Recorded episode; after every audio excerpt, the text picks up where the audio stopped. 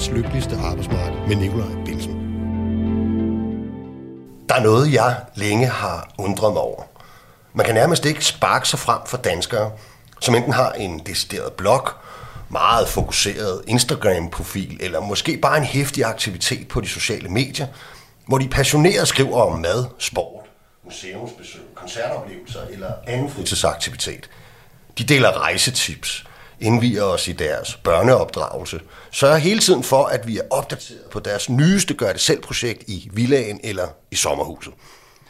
Og nogle gange er det måske bare et billede, og så får man pludselig indtryk af, at hele den danske befolkning, når de ikke lige er i fitnesscenteret eller på løbetur, består af fritidsgardnere og amatørkokke.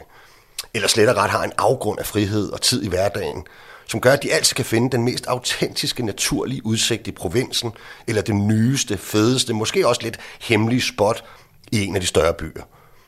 Så er der jo de mere politiske blogs og indlæg. Meningsmaskinerne, der er i stand til at producere en holdning til stort set alle emner, og dem, der stort set skriver varianter over samme emne på ugenlig basis.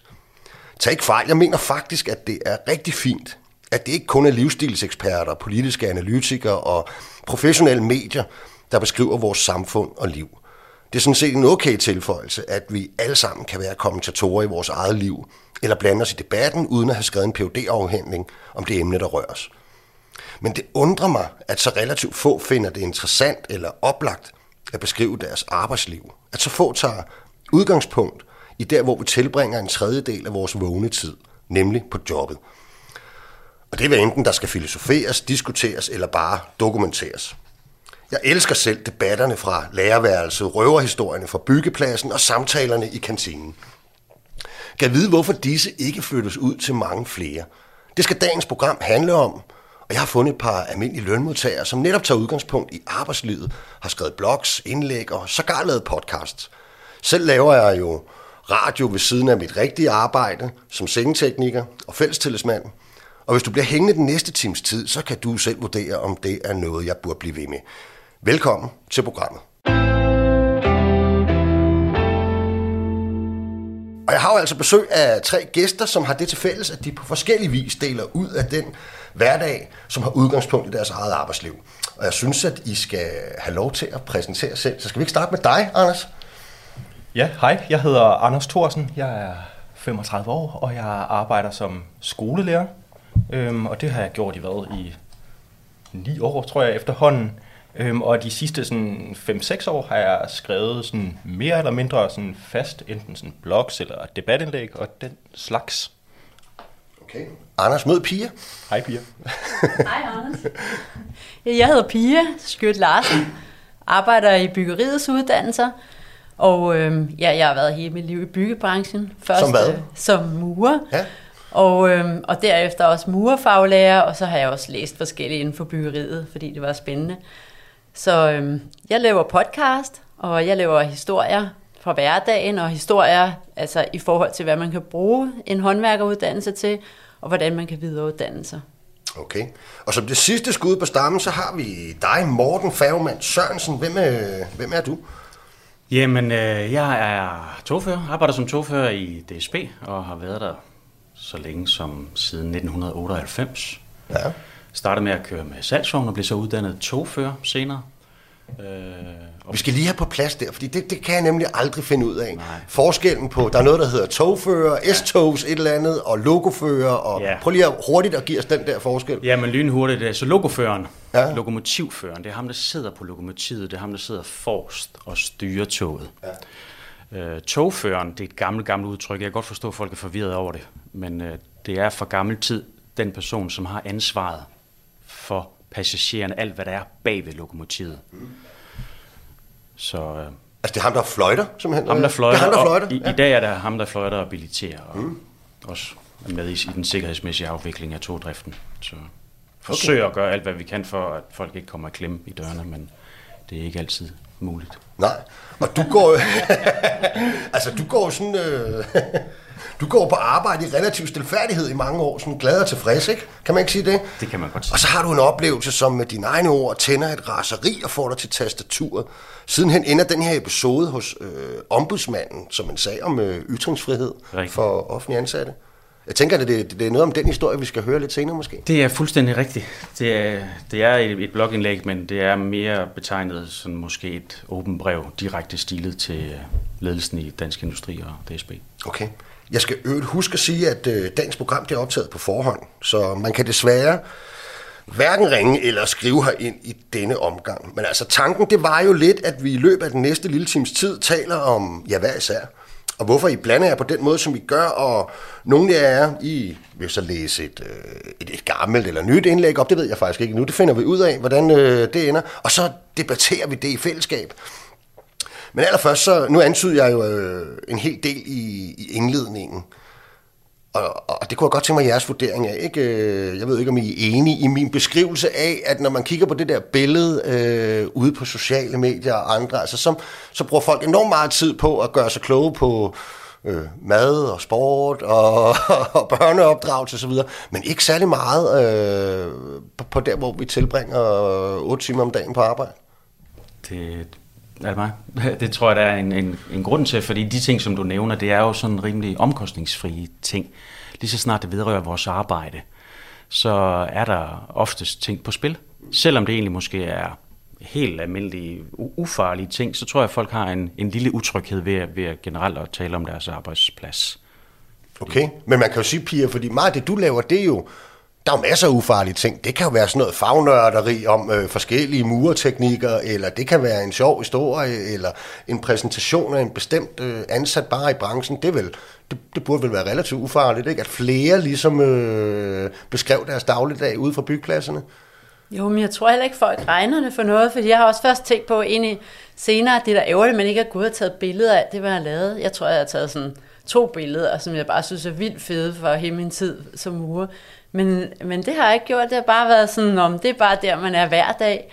Men der er faktisk et par få, der har taget billeder, og så synes man bare, kæft, hvor er det fedt, ikke? Mm. Altså, det er jo udstillet nede i fagforeningen, ikke? Og altså, det er jo i virkeligheden, det, det er jo simpelthen det, der var det fede. Mm. Og jeg ved ikke hvorfor. Jeg tror, det er rigtigt, at, at man er usikker. Jeg kan også huske nogle gange, der var nogle journalister, der ville have fat i mig, da jeg var murer, og jeg sagde bare nej. Okay. Jeg skal ikke have nogen ind og hverken tage billeder og lave en historie om det. Jeg vil bare være helt normal og, og ligne hver anden murer, og jeg vil ikke udstilles på en eller anden måde. Og jeg tror det samme, hvis man går rundt og tager billeder og alting. Nu er det blevet lidt mere normalt, fordi man har mobiltelefoner, ikke? Men altså, men stadigvæk er det ikke ufarligt. Jo, men altså, jeg, jeg ser jo rigtig mange, som arbejder i den der sådan lidt mere kreativ branche, altså folk, der arbejder med en computer og kan gøre det mange forskellige steder, der er det jo sådan meget populært, det der med at lave et opslag, enten øh, hjemmefra, eller ud over en sø, eller på en café. Altså, gerne noget med udsigt, og så skriver du ved, dagens kontor. Har I ikke lagt mærke til de der øh, opslag, der er der? Ikke? Og det kan selvfølgelig blive lidt ensformigt, hvis man øh, står med en salgsvogn øh, hele tiden ja. og laver det der. Men altså, I har selvfølgelig, Anders, den udfordring, hvis det er den slags, vi taler om, at Altså, I må nok slet ikke tage billeder af børnene, vel? Øh, medmindre man har været igennem et voldsomt byråkrati inden, ikke? Jo, jo. Der er sådan en kæmpe stor mappe på vores arbejdsplads. Hvem må man tage billeder af i hver klasse, og til hvad? Hvad må komme på sociale medier? Hvad må komme på skolens hjemmeside? Og sådan noget. Så, så det er sådan, at det er virkelig, virkelig, det er virkelig, virkelig besværligt. Men altså, til det andet, det er jo faktisk de der historier fra hverdagen, der sådan er stærke. Ikke? Det er dem, som folk de kan forholde sig til. Og det er også noget, jeg godt kunne ønske mig, at mange gjorde meget mere af. Også fordi, hvis du er kommer i en eller anden diskussion, så er din oplevelse af hverdagen, den er fandme svær at sådan argumentere imod. Ikke? Fordi, prøv at når du oplever noget, eller når du oplever noget, Pia, så, altså, så, så, er det jo, så er det jo sådan, det er. Og så kan man komme med nok så mange statistikker eller tal, eller sådan, men så er der også noget, der hedder sådan min virkelighed. Så lad os have meget mere af det. Ja. Jo, jamen, altså for mig der er der jo også et eller andet med, at øhm, at, at vi snakker meget på sådan en politisk plan, for eksempel. Så bliver der jo snakket meget om, at vi skal være øh, den bedst uddannede øh, ungdomsgeneration nogensinde, og vi skal have, hvad kalder vi det, Pia, kloge hænder, vi mangler 100.000 faglærte og alle de der ting. Ikke? Der er jo også noget med, at, og det burde jo være ufarligt, hey, jeg har lige bygget det her, eller jeg har lige produceret det her. Prøv lige at se, hvad det er, vi kan i mit chak, eller hvad vi kan i mit firma, eller hvad jeg kan øh, helt personligt. Det synes jeg heller ikke, der er særlig meget af. Men når så folk er hjemme i privaten, så vil de jo gerne vise os, at det lykkes dem at samle en vandhane, altså stort set, ikke? Eller, eller rive et lille øh, bed. Altså jeg vil sige, det er lidt anderledes inde på de der små grupper. Vi har jo for eksempel for Murernes Brancheklub og Tømmerne har, der ligger man faktisk mange billeder op. Altså, er det så arbejde. lukkede grupper, eller hvad? Ja, det er nemlig lukkede grupper, ja. og måske er det også, fordi man ikke tænker, at det er interessant for andre, men man ved jo, at ens kolleger synes, det er vildt interessant, det mm. man går og laver, ikke? Så, så på den måde, det er selvfølgelig ufarlige ting, og man beskriver ikke lange øh, historier så meget om, om ens hverdag, men det er meget billeder og korte, mm. og, og man sådan skriver til hinanden, haha, åh, ikke? og ja. hvad, hvad fik I så at spise, eller et eller andet. Ikke? Altså sådan, så der er noget, men det er lukkede grupper. Altså når jeg synes, det er interessant, Morten, det her, så er det jo også fordi, at at, at vi kan, hvis vi kun kigger på, hvad der bliver bragt i medierne, eller hvis vi kun kigger på, hvad folk lægger op på Instagram og sociale medier og sådan noget, altså så kan man godt få et lidt skævt billede af, hvordan for eksempel øh, både befolkningssammensætningen og øh, uddannelsessammensætningen og branchesammensætningen af det danske samfund simpelthen ser ud. Ikke? Altså det jeg mener med, at der, jeg synes, der kan være et demokratisk problem i, at der er en masse faggrupper, hvis øh, dagligdag drømme, tanker, udfordringer, alt muligt, øh, ikke bliver beskrevet. Ikke øh, har den der plads, mens vi har en forestilling om, at om vi er nok alle sammen øh, ejendomsmalere eller arbejder i mediebranchen. Ikke? Øh, hvad er jo ikke er virkeligheden, altså, eller akademikere. Det har været 7-8 procent af befolkningen. Ja, ja. Men man kan jo godt få indtrykket, at det her det er mange flere, ikke? Jo. Altså, det er en, jeg synes, det er en enorm kompleks problemstilling, hvad, fordi hvad er det, der får folk til at åbne munden, og hvad, hvad er det, der får folk til at poste? Ikke? Altså, det er jo forskelligt fra person til person. Vi alle sammen er forskellige. Mm. Øh, grunden til, at jeg blandt andet ture og gå all in med 180 i timen der under DSB-konflikten, det, det var nok primært fordi, at jeg var gældfri. Jeg, følte, jeg var et sted i mit liv, hvor jeg... Huset var betalt ud. Alt var betalt ud. Mm. Jeg var jeg følte mig mere fri end nogensinde, og jeg var nået et tidspunkt i mit liv, hvor jeg var klar til at stå 100% ved mig selv og mine egne holdninger. Mm. Så det er net det der med, altså for der er, der er ikke nogen vej tilbage, når, når man først er derude, vel? Mm. Ah. Øhm, og det tror jeg er, det, det, det, det, ja, det, det er bare forskelligt fra person til person, mm. ikke? Altså, men jeg tror, at fordi vi, vores arbejdsmarked er, Danmark er måske, vi er det mest gældsættede land i hele verden, så det der med utrygheden spiller også ind på vores personlige øh, tryghed, mm. hvis man er bange for at miste sit arbejde. Og så det kan også. Ja, men nogle gange kan man også bare måske blive sat i bås som den, der spreder lidt dårlig stemning. Ja. Øh, og, det, og det er måske heller ikke så mega fedt. Kender I ikke det der med at være til en fest, og så er man oppe i sådan en god diskussion med en eller anden, og så, øh, og, og, og så er der andre, det har jeg i hvert fald prøvet adskillige gange, så er der nogle andre, der tænker sådan, eller kommer og siger sådan, ej, I er ikke op og skændes, vel? Sådan, nej, nej, vi har da bare en fed diskussion, vi har en altiders god fest. Så jeg tror også, der er noget med, at vi alle sammen kan blive bedre til at, sådan, at have det okay med at være uenige om ting, og det faktisk er en helt naturlig og demokratisk del af vores liv. Ja, og på arbejdspladser, hvor man har en del kollegaer, der, der, kender, der kan vi jo også godt lide det her med ligesom at inddele folk, altså kollegaerne i grupper, og, og der er jo også dem, jeg ved ikke hvor meget de, jo deres optræden på sociale medier er egentlig nok den samme, altså, men som jo også ligesom ynder at, øh, altså at finde hullerne i osten altid. Altså uagtet hvad vi taler om. Om det er hvor øh, sommerskovturen går hen, eller det er ledelsens seneste beslutning om det, eller øh, det er om øh, der er nogen, der har udskrevet et valg uden at spørge dem, øh, så skal de nok finde hullerne i osten på den. Jeg havde jo tænkt mig, at vi skulle øh, høre nogen af jeres, øh, af jeres indlæg. Jeg havde faktisk tænkt mig, at vi skulle starte med dig, Anders, hvis det er okay. Det er helt fint med mig. Det er et lidt ældre indlæg, men det, øh, det taler så fint ind i det her, vi taler om, så derfor har jeg valgt det. jeg vil gerne give dig en udfordring. Næste gang du ser en debat om skolens fremtid eller om læreruddannelsen, skal du sidde klar med et stopur. Tag da tid på, hvor længe der går, før nogen i panelet øh, påpeger nødvendigheden af at tale folkeskolen op, eller tale læreruddannelsen op, eller tale lærerne op. Det er en ganske morsom sport, skal jeg love dig. Øh, og jeg vil næsten garantere, at du dårligt nok øh, vil kunne nå at tage den første slurk af kaffen, før der er sagt det første gang. Skriv gerne til mig og fortæl, hvor lang tid der gik. Jeg vil elske at kunne grine af jeres tider. Det er en pussy og lidt mærkelig sætning at tale lærerne op, eller folkeskolen, eller noget helt tredje for den sags skyld. Alligevel hører jeg den igen og igen. I forårets uendelige valgkamp, valgkamp gik jeg til flere paneldebatter om skolen, hvor det ofte kom til at handle om, hvorfor så mange vælger folkeskolen fra til fordel for en fri skole.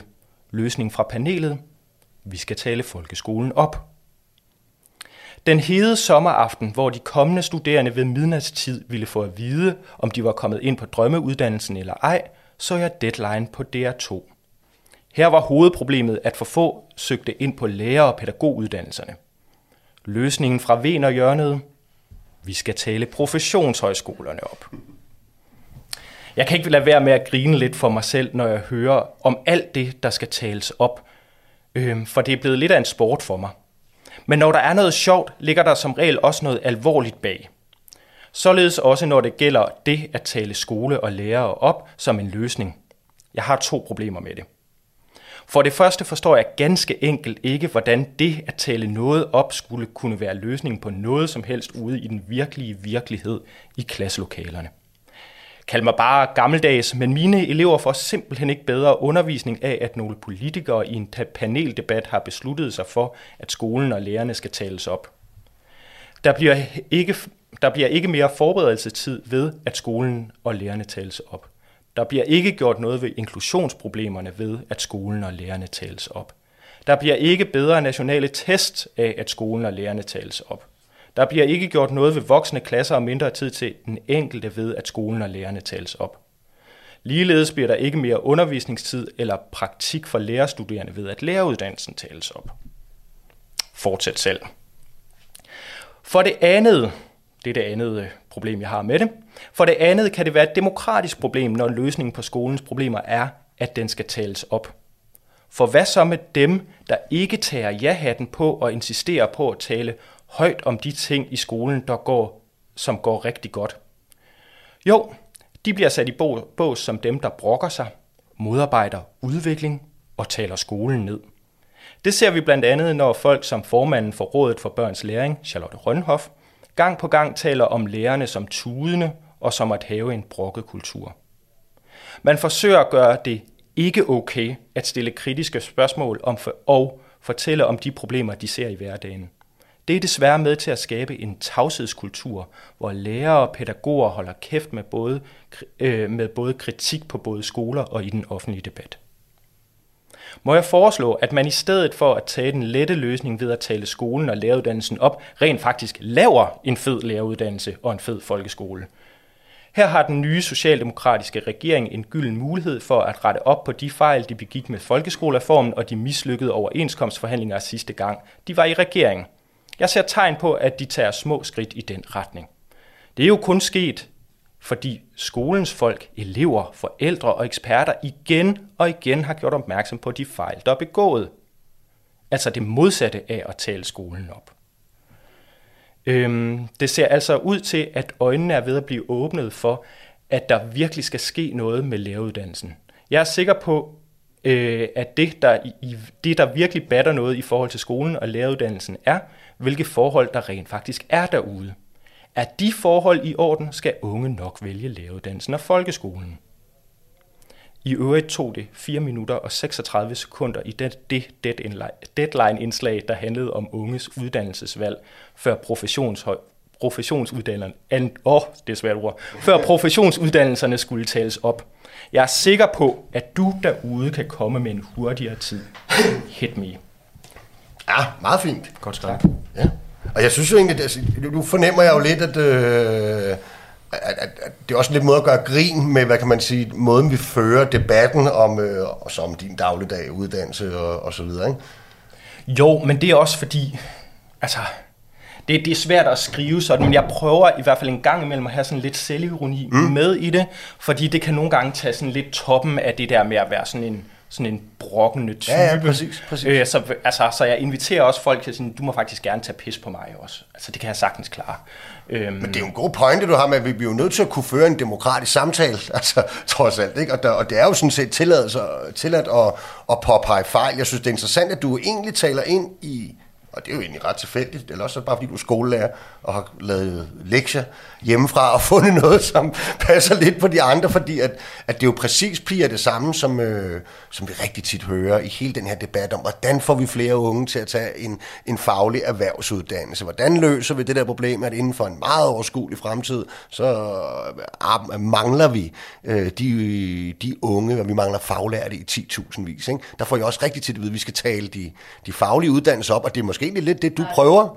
Ja, og det er faktisk, jeg mener faktisk, at her er det faktisk nødvendigt at tale dem op, fordi vi har egentlig nogle rigtig gode uddannelser, og, og, og man kan så meget med dem, som man slet ikke ved, og det er så, så mange forskellige folk, der egentlig passer ind i byggebranchen, og kunne vælge det frit, i stedet for at, at skulle gå en eller anden vej, som de synes, at, at det er nu det, alle siger, de skal, fordi der er mere prestige i det. Så i virkeligheden synes jeg, at på os, der, der er det faktisk at tale os mere op, fordi at, øh, det er faktisk en anden situation.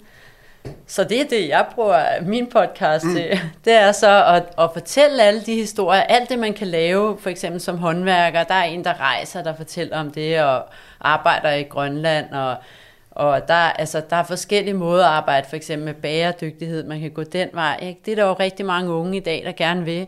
Og det er jo ikke nødvendigvis, at man kommer til det, fordi man går på gymnasiet, og så går videre til en akademisk uddannelse. Så der er jo mange ting, man faktisk kan inden for byggeriet, som vi ikke taler om. Vi taler ikke så meget dit indlæg, Anders, sige, at, at man ikke må tale noget op, men mere, at der også skal være noget action på de problemer, ja, der faktisk er. Ja, ja, ja, ja, helt sikkert. Fordi så, ja. selvfølgelig må man tale alt det op, man gerne vil, og det er også en balancegang. Fordi, fordi øh, man, man skal kunne påpege de problemer, man går og ser i sin hverdag, øh, uden at det bliver sådan, at jeg har et lortearbejde. Jeg er virkelig, virkelig glad for mit arbejde, og jeg, og, og jeg synes, jeg gør det skide godt, og jeg synes, jeg kan gøre en hel masse. Så der er virkelig sådan en balancegang med at, at både kunne tale op, samtidig med, at at man også påpeger nogle problemer. Og der synes jeg nogle gange, i hvert fald inden for min branche, at der godt kan være et pendul, der svinger i en retning af sådan, at det, det er bedst, hvis du bare tager en ja-hat på. Ja.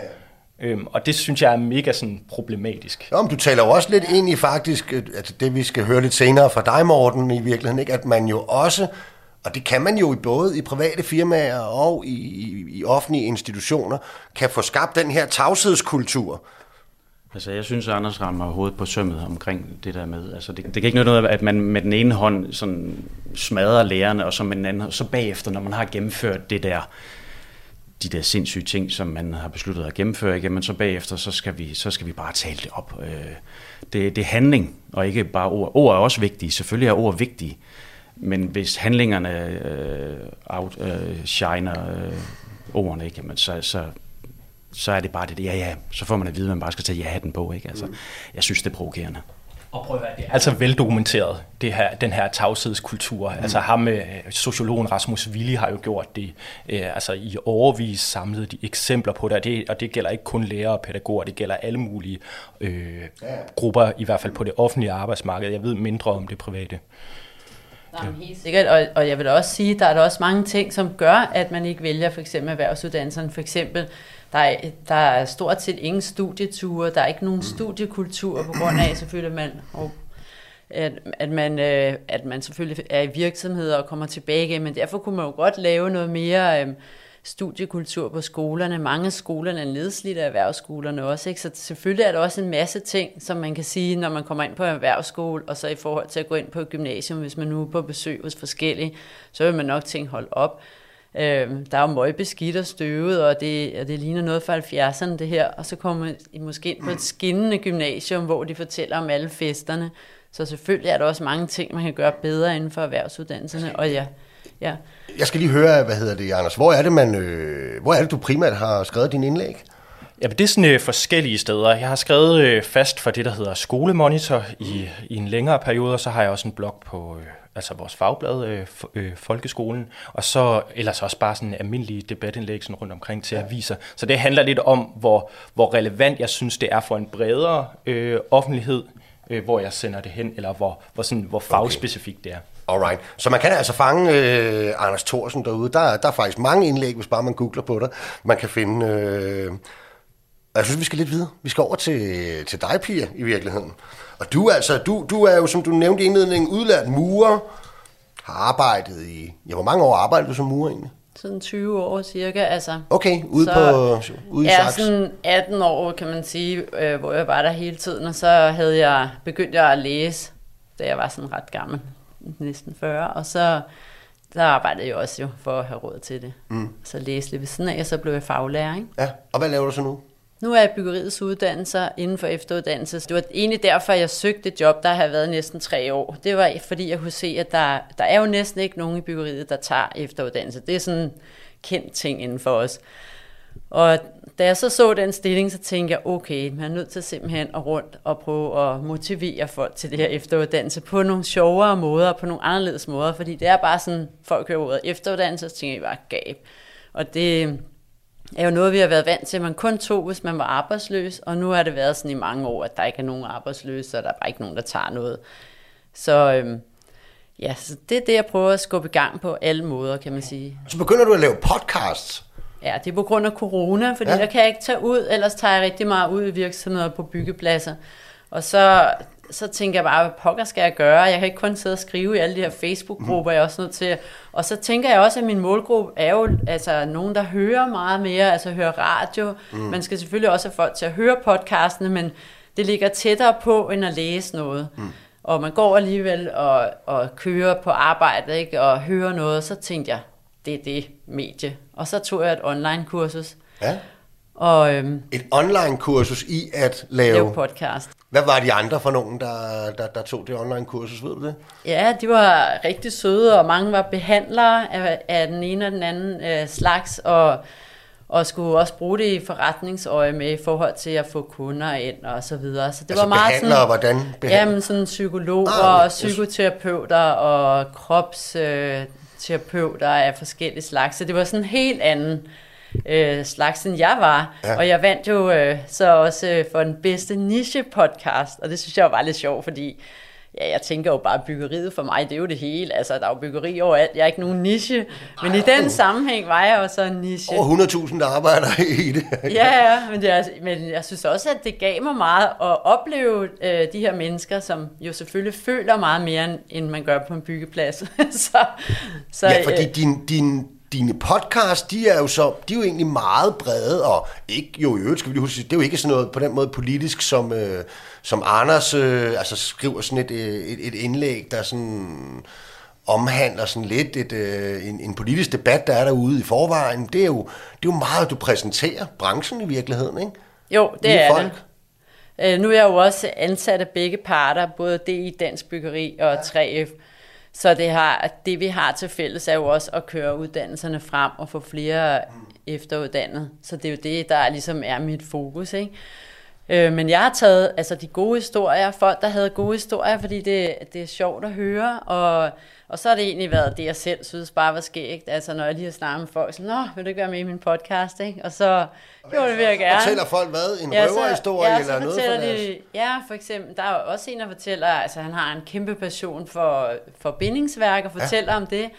Og så, Så bliver det sidst- fagligt, altså så er det sådan nørdet Ja, så er det meget nørdet og fagligt. Jeg har også noget om terrasso, fordi jeg selv har undervist i terrasso, og det har en helt speciel historie med italienere, der kommer til Danmark, og jo egentlig er... Terrasse, det var det, der var på gulvet Ja, ja, i badeværelser i gamle dage, ikke? Ja. Altså sådan nogle sort-hvidprikkede Ja, noget, ikke? ja, lige præcis. Og mange trappeopgange ja, også, Ja, rigtigt. Og der har jeg jo revet terrassogulve op. Altså i min tid som murer bare op med lortet og ned med nogle fliser. Ikke? Ja, ja. Og så efterhånden begyndte jeg at tænke sådan, nej, det er da egentlig synd, ikke? Og så, så prøvede jeg selv at få stablet terrassokursus på benene, og det er jo rigtig svært, fordi så er den ene flyttet til det andet firma, og der kan de ikke lige få fri til at tage en uge på terrassokursus. Så det lykkedes til sidst at få en hel masse svinde på det her terrassokursus. Og det var jo fedt, fordi så kunne man jo, i stedet for at reparere de her, i stedet for bare at op med lortet, ikke? Ja. Så, Det, Så jeg synes er måde- interessant, Pia, ved, ved, ved, ved, jeg har hørt et par af dine øh, podcaster, det er jo, at der er sådan en...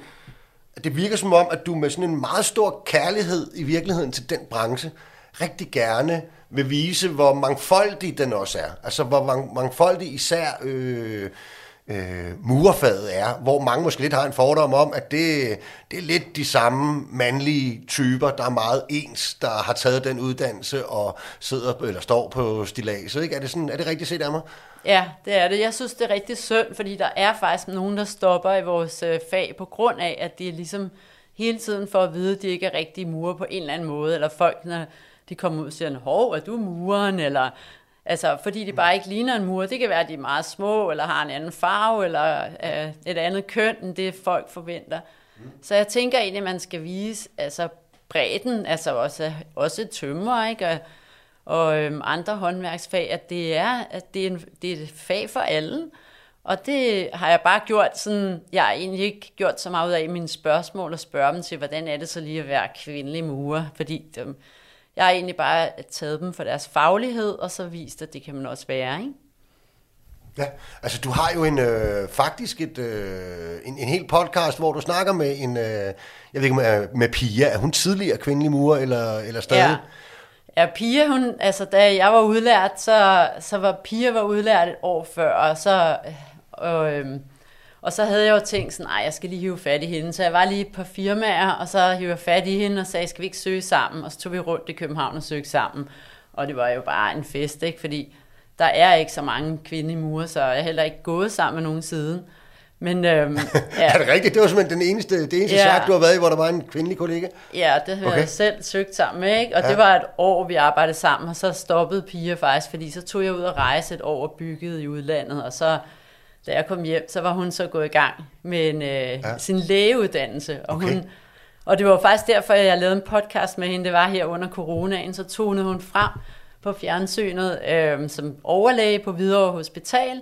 Er det rigtigt? ja, jeg har fortalt om corona, og jeg tænkte, shit, jeg er nødt til at lave en podcast med Pia. Hun bor faktisk lige ved siden af mig, ikke? så det var jo ikke så svært.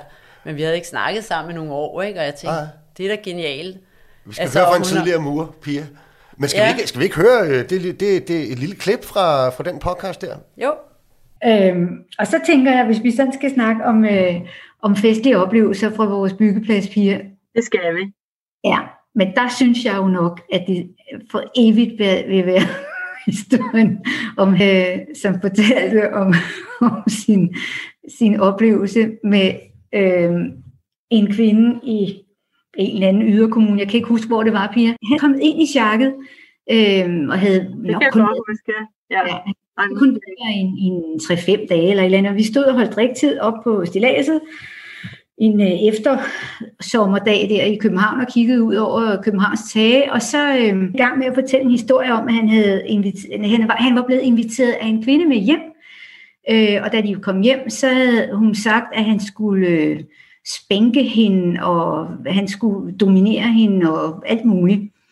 Og så havde han sagt til hende, nu lægger du dig der, og hvis du rører dig, så får du en rap i røven, og så går jeg ned og drikker en bajer på bodegaen. Og så stod vi helt stille alle sammen og kiggede på ham. Og det, det var sådan en lidt pudselig historie i forhold til vores chak og, og, og, og, og ryst. Og så sagde Hans til Jørgen, Jamen Jørgen, har du ikke prøvet det? Har, har du ikke prøvet sådan noget? Nej, sagde Jørgen. Jeg har engang klappet en hund, så den væltede.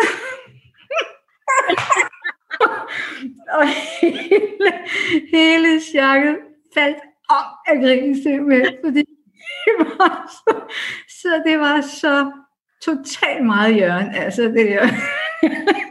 han havde ikke spændt nogen kvinder, men han klappede klappet en hund, så den væltede og altså, sådan synes jeg, at der var bare tit en rigtig god tone. Og i forhold til det her, øh, der har kørt med, med MeToo og sexisme og ting, altså, jeg tænker bare, at jeg har aldrig oplevet at blive øh, talt grimt til, eller øh, blive øh, altså, ja, sexistisk øh, sådan behandlet som håndværker jeg har altid oplevet, at de havde en enorm pæn tone over for mig og, og passede på mig. Altså vidste, at jeg var den eneste kvinde i skuret, så derfor så skulle man opføre sig ordentligt.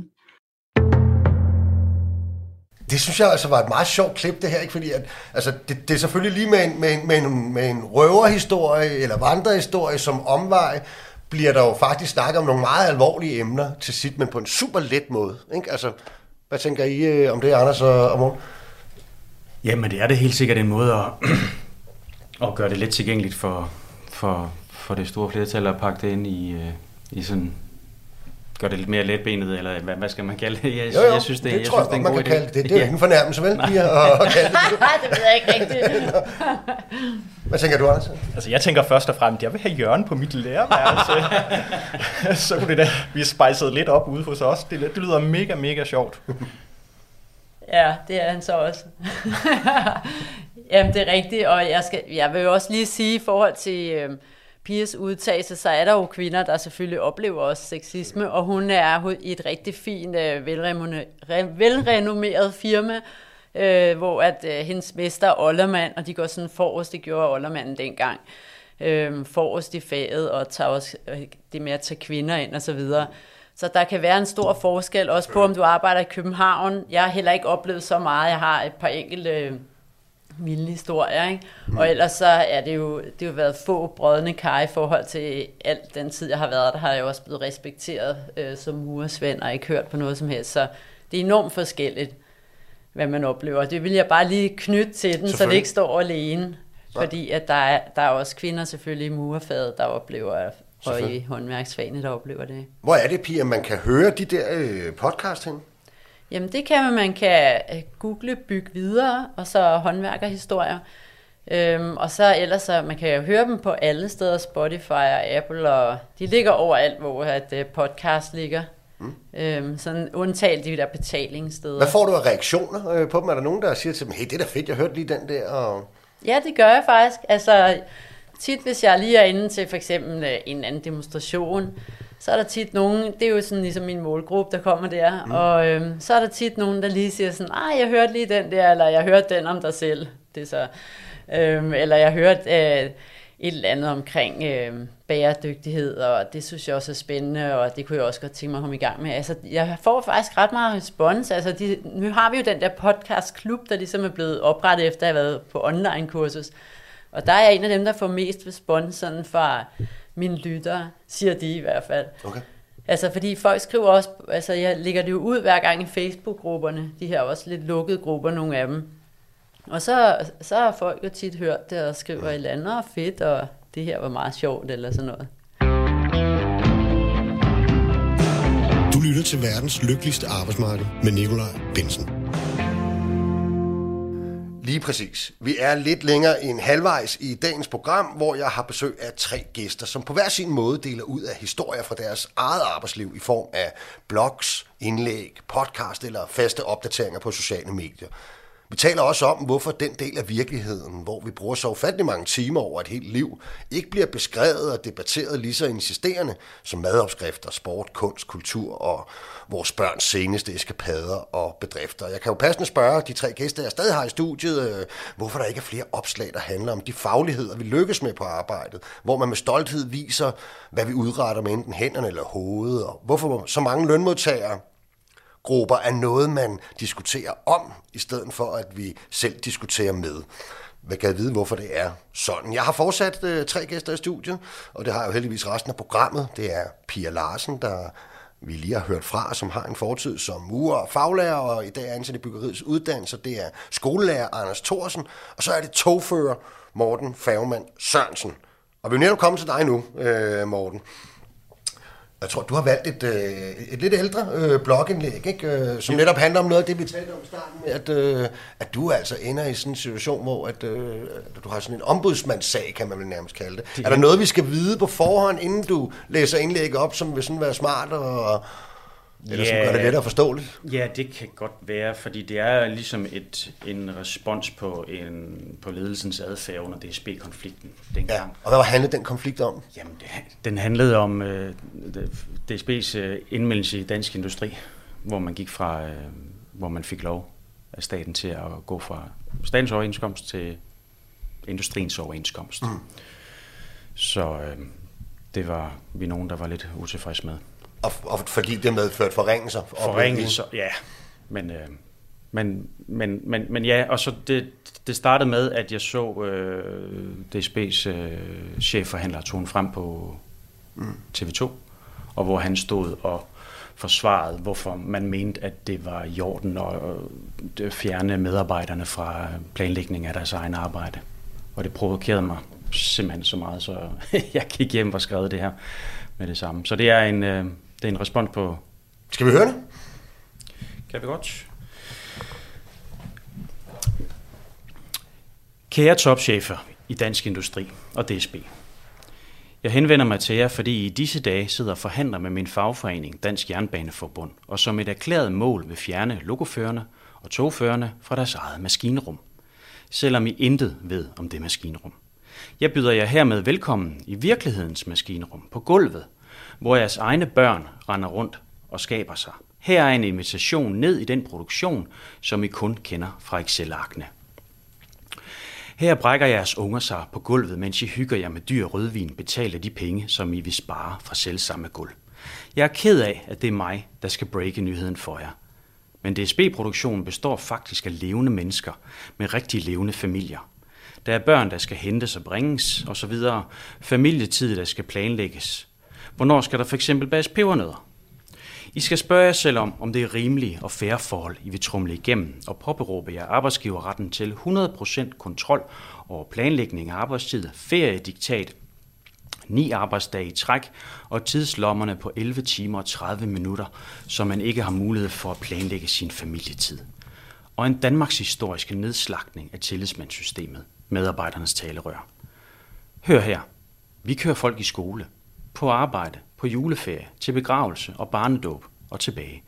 Vi kører med alle slags mennesker og til alt muligt. Nu skal jeg fortælle jer en lille bitte del om arbejdslivet på gulvet i togdriften.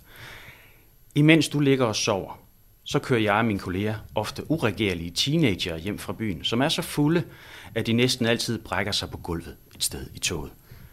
En ting er næsten altid helt sikkert. Toiletkummen bliver sjældent ramt i første hug, hvis toilettet overhovedet er ledigt.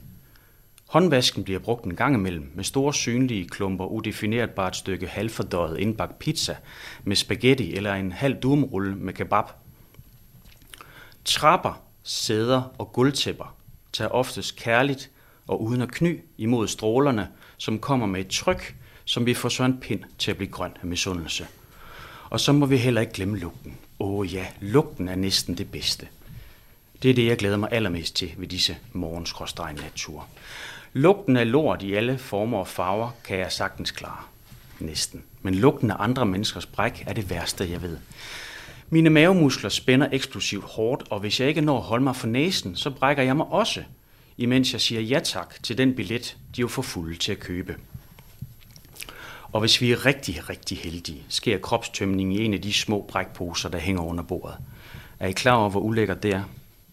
Jeg får slet, slet ikke nok i løn for at håndtere disse grænsesøgende, kropumulige og nærværshungrende store børn, der ikke kan styre deres brænder der. Det kunne være jeres unger. Elitens unger er det ofte. Jeg skal slås med overklassens flabede, provokerende og antiautoritære unge, der som trodsige børn modsætter sig konsekvenserne af deres handlinger. I vil tage ejerskab over et maskinrum, hvor vi på gulvet ikke hører hjemme. I er velkomne. Husk vaders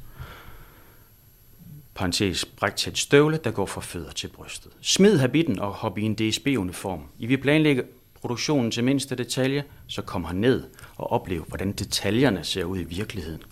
Eller lugter. I er velkomne. Vi ses lørdag morgen kl. 03 til briefing. Det er en aftale. Og så vil man stække fagforeningsarbejde med færre tillidsmænd. Er det færre og rimelige forhold? Og ikke mindst er det en klog og intelligent måde at gøre det på. At fjerne al menneskelig medarbejderindflydelse på en så levende, organisk og menneskelig produktion, som DSB jo er. Mig og mine kolleger holder Danmark kørende 365 dage om året, alle døgnets timer, jul, nytår og alle weekender. Mens I med kontormødetider ligger og sover.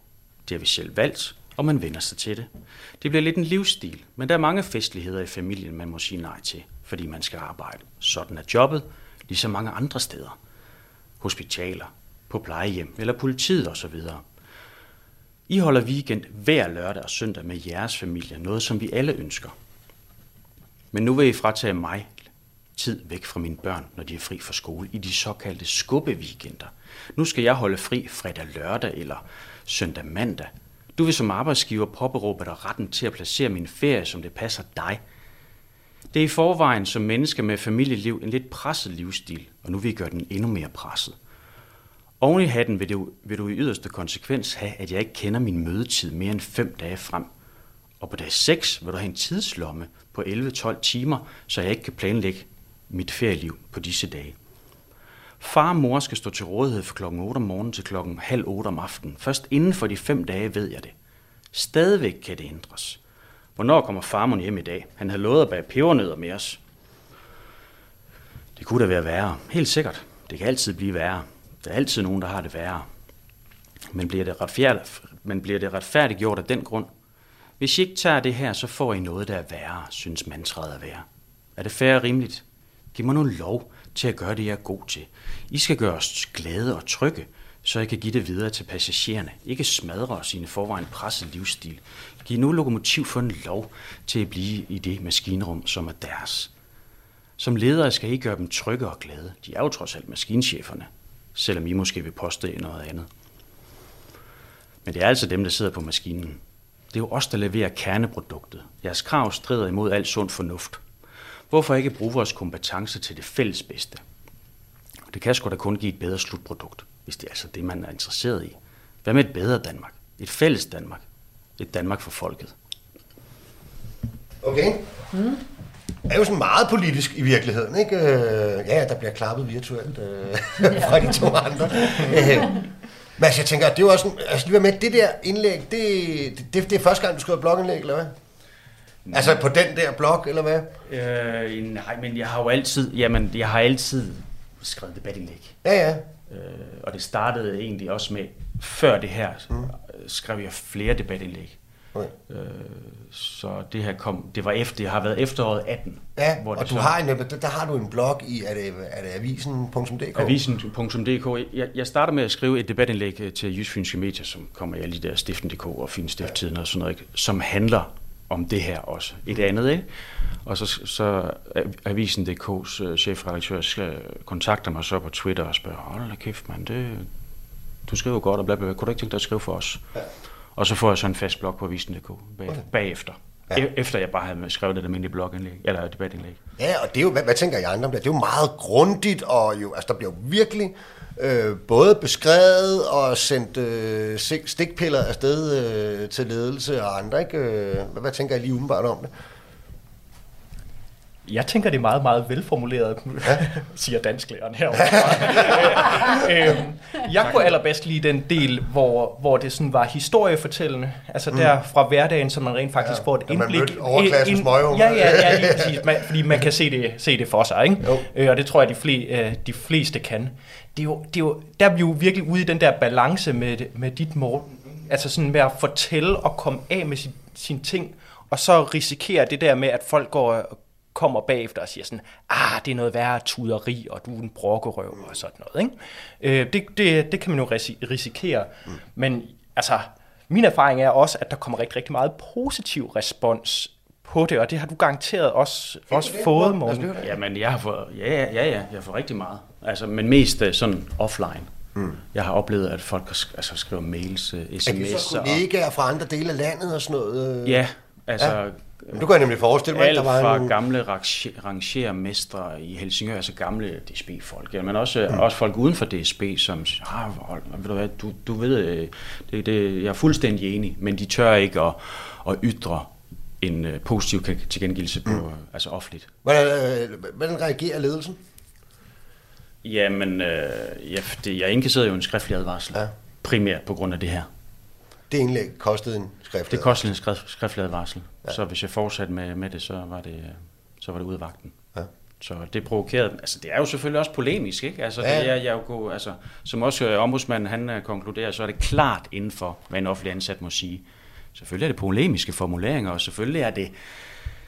Hvor meget betød det for dig? Altså, betød det egentlig, det skal bare lige nu, bliver det måske sådan lidt øh, meget, nu er jeg jo selv fællestillidsmand, øh, sådan øh, juridisk og sådan, er det, øh, betyder det så, at den skriftlige advarsel bliver trukket tilbage, da du får medhold hos ombudsmanden?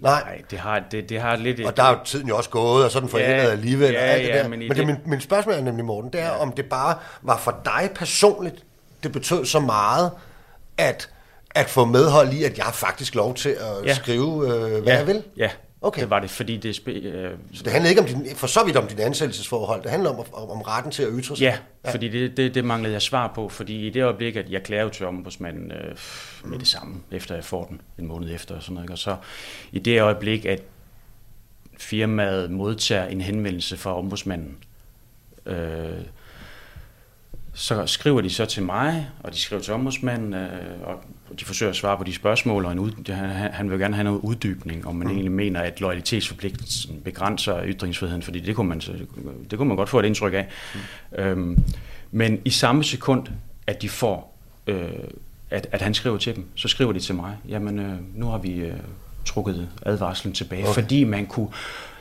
man havde formuleret sig på en måde i det der partshøringsbrev, så, så man kunne få det indtryk af, at man havde lagt vægt på den der loyalitetsforpligtelse, mm. som var nævnt otte gange. Ja. Så, så man trak den tilbage. Ja. Så et eller andet sted, så var ombudsmandens øh, rolle egentlig udspillet. Mm. Men jeg, jeg, jeg vælger så at fastholde min klage. Ja. Fordi jeg havde ikke fået svar på, om, jeg, om det egentlig var indenfor, eller om det var udenfor. Okay. For, ja. Skal lige Anders ind?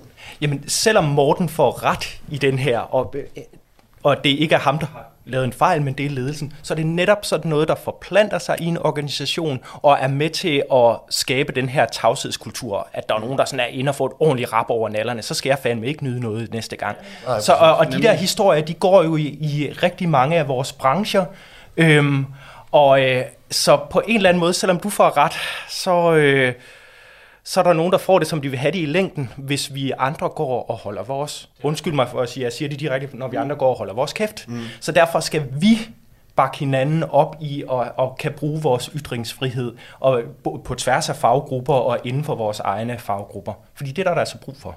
Mm. Også grunden til, at jeg valgte at fastholde, fastholde den, som jeg gjorde, det var også fordi, at, at jeg kunne mærke, eller, eller læse og se og høre, at uh, ledelsen ikke havde ændret holdning. De havde bare trukket den. Ja, ja. De, de, de, de mente stadigvæk, at Men det man var er nødt til at gøre juridisk, handler ikke nødvendigvis alt om, hvad man faktisk mener. Øh, sådan er det jo, Pia. Ja, jamen, jeg vil også sige noget. Altså, nu, jeg synes, at, øh, at det er rigtig spændende at høre det der, også fordi jeg tænker også i vores fag, vi har slet ikke nogen, der har, der er jo mange ting, man også skulle skrive i forhold til, hvad vi går i øh, inden for vores fag. Men noget andet, jeg også tænker på, er også det der, det du efterlyser, er jo også det samarbejde, der er mellem medarbejder og ledelse. Ikke? Altså det, som du synes faktisk, der forsvinder. Og det er jo lidt det samme, vi roder med i byggebranchen, at, øh, at, øh, altså, at i virkeligheden har håndværkeren, ligesom I også har på bunden, en kæmpe ekspertise inden for, hvordan det her skal køres, men man bliver aldrig spurgt, og man bliver aldrig hentet ind i starten, og tingene bliver planlagt. Og det har vi jo vi har også efteruddannelse i det, for eksempel samarbejde og kommunikationskurser, er kørt i de enkelte virksomheder, meget få i byggebranchen, som gerne har ville det og hvor man faktisk sidder, og det er jo netop også et opgør med tavshedskulturen, så laver man grupper, hvor man sidder helt fra arbejdsfolk til direktørerne i virksomheden, og så kommer alt på bordet, så har man planlagt kurset, det er to dage, hvor at, at man simpelthen får diskuteret alle de cases, som der kan være ude på pladserne af problemstillinger, lige fra toiletter, der aldrig bliver gjort rent, og hvis der er et, og så videre. Alt, hvad der kan være, og... Øhm, og, og derfor synes jeg også bare, at det er en af de ting, som er så vigtige, det er det der, at, at man altså nede på gulvet mm. kommer op og får meget mere engagement. Og det synes jeg er så fedt ved det der også, at det var en Og del hvis af vi det. nu skulle høre fra, hvis vi nu skulle få mange flere til at lave podcast, skrive blog og lave indlæg og fortælle deres, øh, deres dagligdag, også der, hvor det gør lidt ondt og hvor der er problemer, hvad for nogle brancher kunne vi, og fag og uddannelser kunne vi så godt tænke os at høre fra? Jeg har tænkt, øh, da den her nemlig sag kørte, ikke? Okay. at der er, et, øh, der er et arbejdsmarked der, mm. hvor der er nogle mennesker, vi slet ikke hører fra, og det synes jeg faktisk snakker er... et andet sprog til at starte på. Altså, Ja, ja, ja, og jeg ved, ikke, jeg ved ikke, hvad man kan gøre der, vel? Men altså, der er i hvert fald sådan en eller anden form for arbejder- og underklasse, som vi, som vi simpelthen mangler at høre fra. Hmm. Hvad tænker du, Morten? Jamen, jeg, jeg tænker HK-området Ja. savner jeg big time at høre fra. Ikke? Altså nu kan du se, nu er min, min virksomhed er stadigvæk en offentlig virksomhed, ikke? og vi har 7.000 ansatte. Ikke? Altså vi har en, en, en, en administration af en anden verden, øh, som, som man aldrig hører fra. Men jeg synes aldrig, man hører fra, om, fra, fra HK'er. Mm. Det, det savner jeg. Men, øh, men det er også noget andet, fordi jeg er, ikke, jeg er ikke sikker på, at jeg faktisk havde, havde skrevet det her, jeg havde skrevet, hvis øh, mit nabokontor var øh, den administrerende direktørs. Nej, nej. Hvis personalechefen Lå lige om hjørnet. lå lige om hjørnet, og, Møde ham de, hver dag. og møde ham hver dag på samme kontor. Præcis. Ja. Så det har stor betydning, tænker jeg. Ja. Pia? Jamen jeg ved ikke, egentlig så tænker jeg, altså, jeg tænker ikke kun byggeriet jo vel, men jeg tænker faktisk også, at man burde høre mere på byggeriet. Jeg tænkte også på, at man kunne godt sådan få det mere med i erhvervsuddannelserne, altså retorik eller og det der med at komme ud, og hvordan, altså det er jo aldrig noget, man egentlig har, har man tænker, at lærlingene skal lære, og det er måske noget, man lærer i gymnasiet, det ved jeg ikke. Men, øh, men jeg kunne bare forestille mig, ligesom man kunne gøre lidt mere ud af, at de grupper, når de tager de uddannelser, de har, eller dem, der ikke har nogen, skal selvfølgelig så på kursus. Altså, så øh, ja, det tænker jeg. Jeg håber, vi hører meget mere. Og jeg håber, I synes, det var spændende at høre på hinanden, og sjovt at være en tur i radio med jeres blogs og podcast. Anders Thorsen, skolelærer, Pia Larsen, muresvend og nu ansatte byggeriets uddannelse, og Morten Fagman Sørensen, togfører, fandt vi ud af. En fornøjelse. Tusind tak, fordi I ville være med i programmet. Også tak til jer, der lyttede med derude. Verdens lykkeligste arbejdsmarked er produceret af Rackerpark Productions, og dagens program var produceret af Julie Lindhardt Højmark. Vi høres ved.